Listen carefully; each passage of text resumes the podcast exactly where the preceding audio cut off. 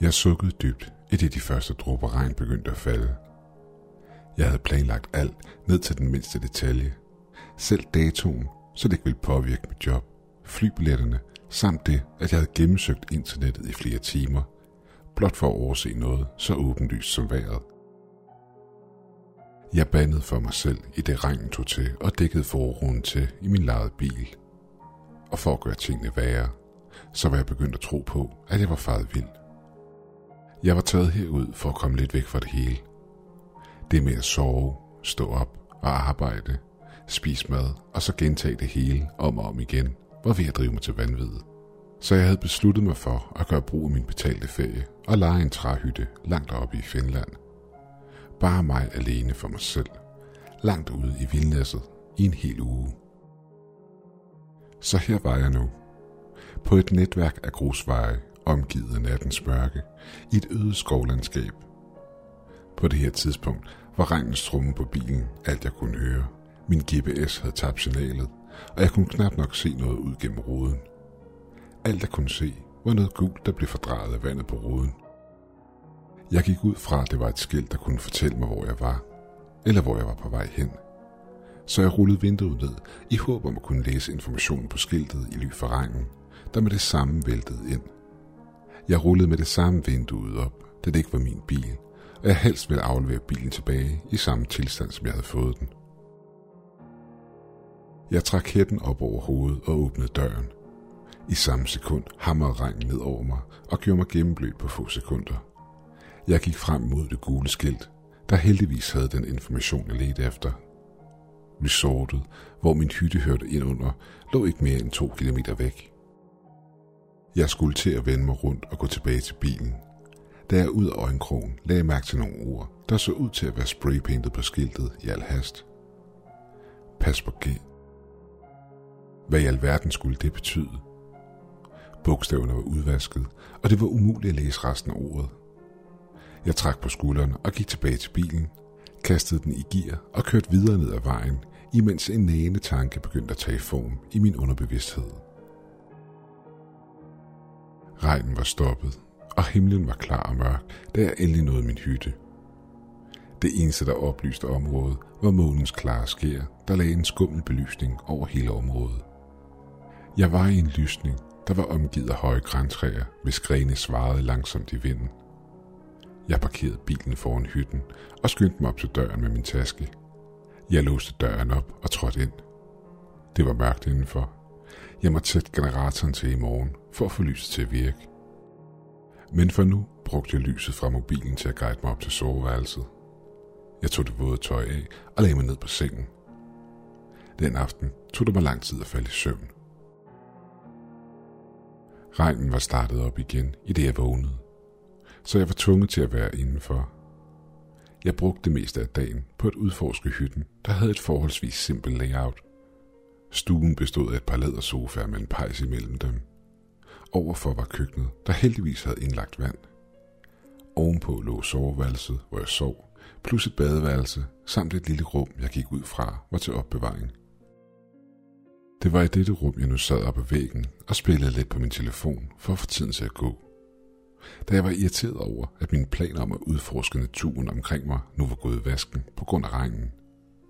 Udover det, så kunne jeg heller ikke starte generatoren op, så der var ingen strøm i huset, hvilket betød, at der ikke var noget lys.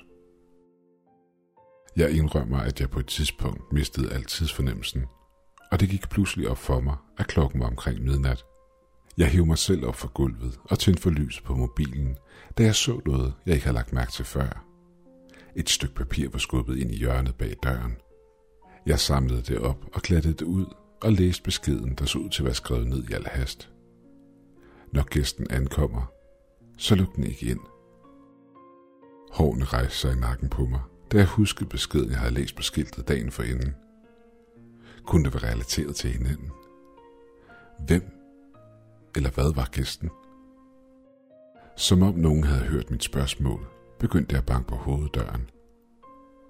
Hvis det havde været underligt før, var det nu direkte creepy.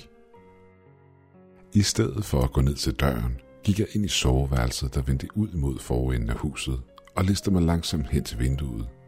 Jeg kunne se dørtrinnet. Så jeg holdt vejret og åbnede langsomt vinduet på klem, inden jeg lænede mig frem for at se, hvem det var. Igennem mørket så jeg en silhuet af nogen, der stod ved døren. Hvem end det var, så var personen ikke særlig høj, eller så særlig troende ud. Hytten lå ikke særlig langt fra vejen. Måske var det en, hvis bil var brudt sammen og havde brug for hjælp. Men stadig tog jeg ingen chancer. Jeg greb gardinstangen, der hang over vinduet, og trak den ned, så jeg kunne bruge den som et potentielt våben.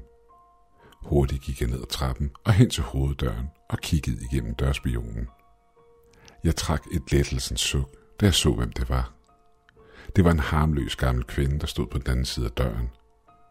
Hallo? Er der nogen hjemme? spurgte hun tøvende. Jeg drejede nøglen og åbnede døren. Da jeg åbnede døren og så hende rigtigt, kunne jeg godt se, at hun var gammel. Måske omkring de 60 år. Hvad lavede hun herude på den her tid af natten? Hej, sagde jeg. Er, er alt okay? Jo, ser du, svarede hun tøvende, da hun så gardinstangen i min højre hånd. Jeg satte den hurtigt op ad væggen og fortsatte samtalen. Hun fortsatte, efter jeg havde sat gardinstangen. Jo, ser du, sagde hun. Jeg er erfaret en smule vild. Jeg var ude at plukke bær, og kom helt ubevidst til at gå væk fra min sædvanlige rute. Og inden jeg så mig om, havde jeg vandret i timevis, og mørket var faldet på. Hvad skulle jeg have gjort? Send hende væk. Bare fordi jeg havde en creepy sædel, der højst sandsynligt blot var en dårlig prank. Skulle jeg tvinge hende til at vandre rundt i mørket i endnu flere timer, alt imens det regnede og stormede udenfor.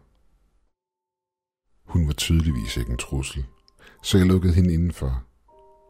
Heldigvis insisterede hun på at sove på sofaen, og lovede, at hun ville være væk i morgen tidlig, så snart solen stod op, hvilket var helt fint med mig. Jeg lå i soveværelset og havde svært ved at falde i søvn.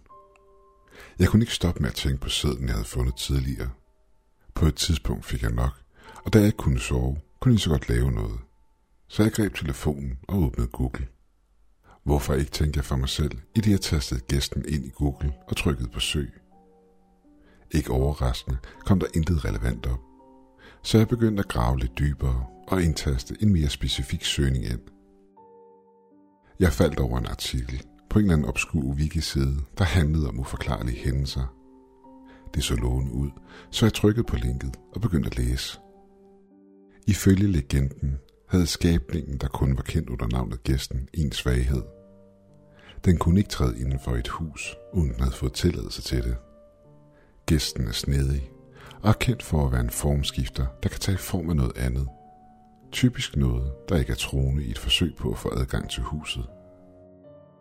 Når den først er kommet indenfor, vil den vente på, at dens offer sover, eller at natten falder på, da den ikke har noget magt i dagtimerne. Derefter vil den angribe og dræbe sit offer på den mest ekstreme og brutale måde. Med det samme fløj mine tanker hen på den gamle dame. Jeg havde inviteret hende indenfor. Jeg begyndte at ryste over hele kroppen, og mit blod frøs til is, i det mit hjerte hamrede i brystet på mig da det endelig gik op for mig, hvad det var, jeg havde gjort. Jeg havde lukket gæsten ind. En svag knirken fra trappen op til første salen slog mig ud af mine tanker. Adrenalinen pumpede igennem min krop, i det jeg febrilsk greb mine nøgler og løb hen til vinduet, som jeg flåede op. Jeg sprang ud og ramte jorden hårdt. Sekunder senere hørte jeg glasset i vinduet blive sprunget i tusind stykker, og efterfølgende regnede ned over ryggen på mig – Blødende af snitsårene fra glasset, humpede jeg over til bilen og sprang ind. Drejede nøglen og trådte spireren bund. Jeg hørte et massivt bump bag mig.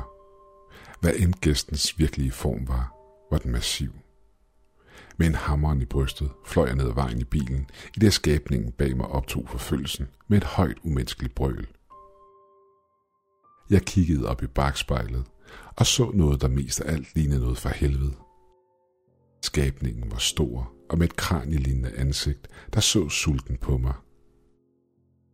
Skabningen var menneskelig, men den løb efter mig på alle fire, i det den fortsatte sin jagt. Den var hurtig, men ikke hurtig nok, i det bilen ramte 100 km i timen.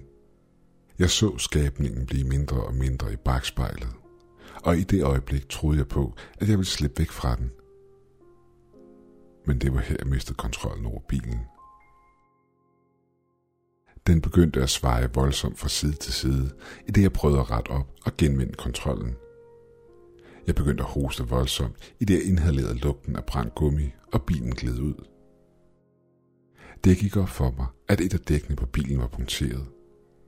Desperat prøvede jeg at få bilen i bevægelse, men lige lidt hjalp det. Der var intet, jeg kunne gøre. Grædende holdt jeg mit hoved mellem mine hænder og ventede på, at det uundgåelige skulle ske. Jeg så op, og en følelse af lettelse skyllede ind over mig, da jeg så en betjent komme gående imod min bil. Han holdt en lommelygte og havde, hvad jeg gik ud fra, var en pistol i sit bælte. Er alt okay, spurgte han. Kan du træde ud af bilen for mig? Jeg skulle lige til at åbne døren, men tøvede kort. Hvorfor var der en betjent herude? Og så på det her tidspunkt. Her, kaldte betjenten skarp. Jeg har brug for, at du træder ud af din bil med det samme. For din egen sikkerheds skyld. Jeg trykkede på hornet for at drukne lyden af hans stemme.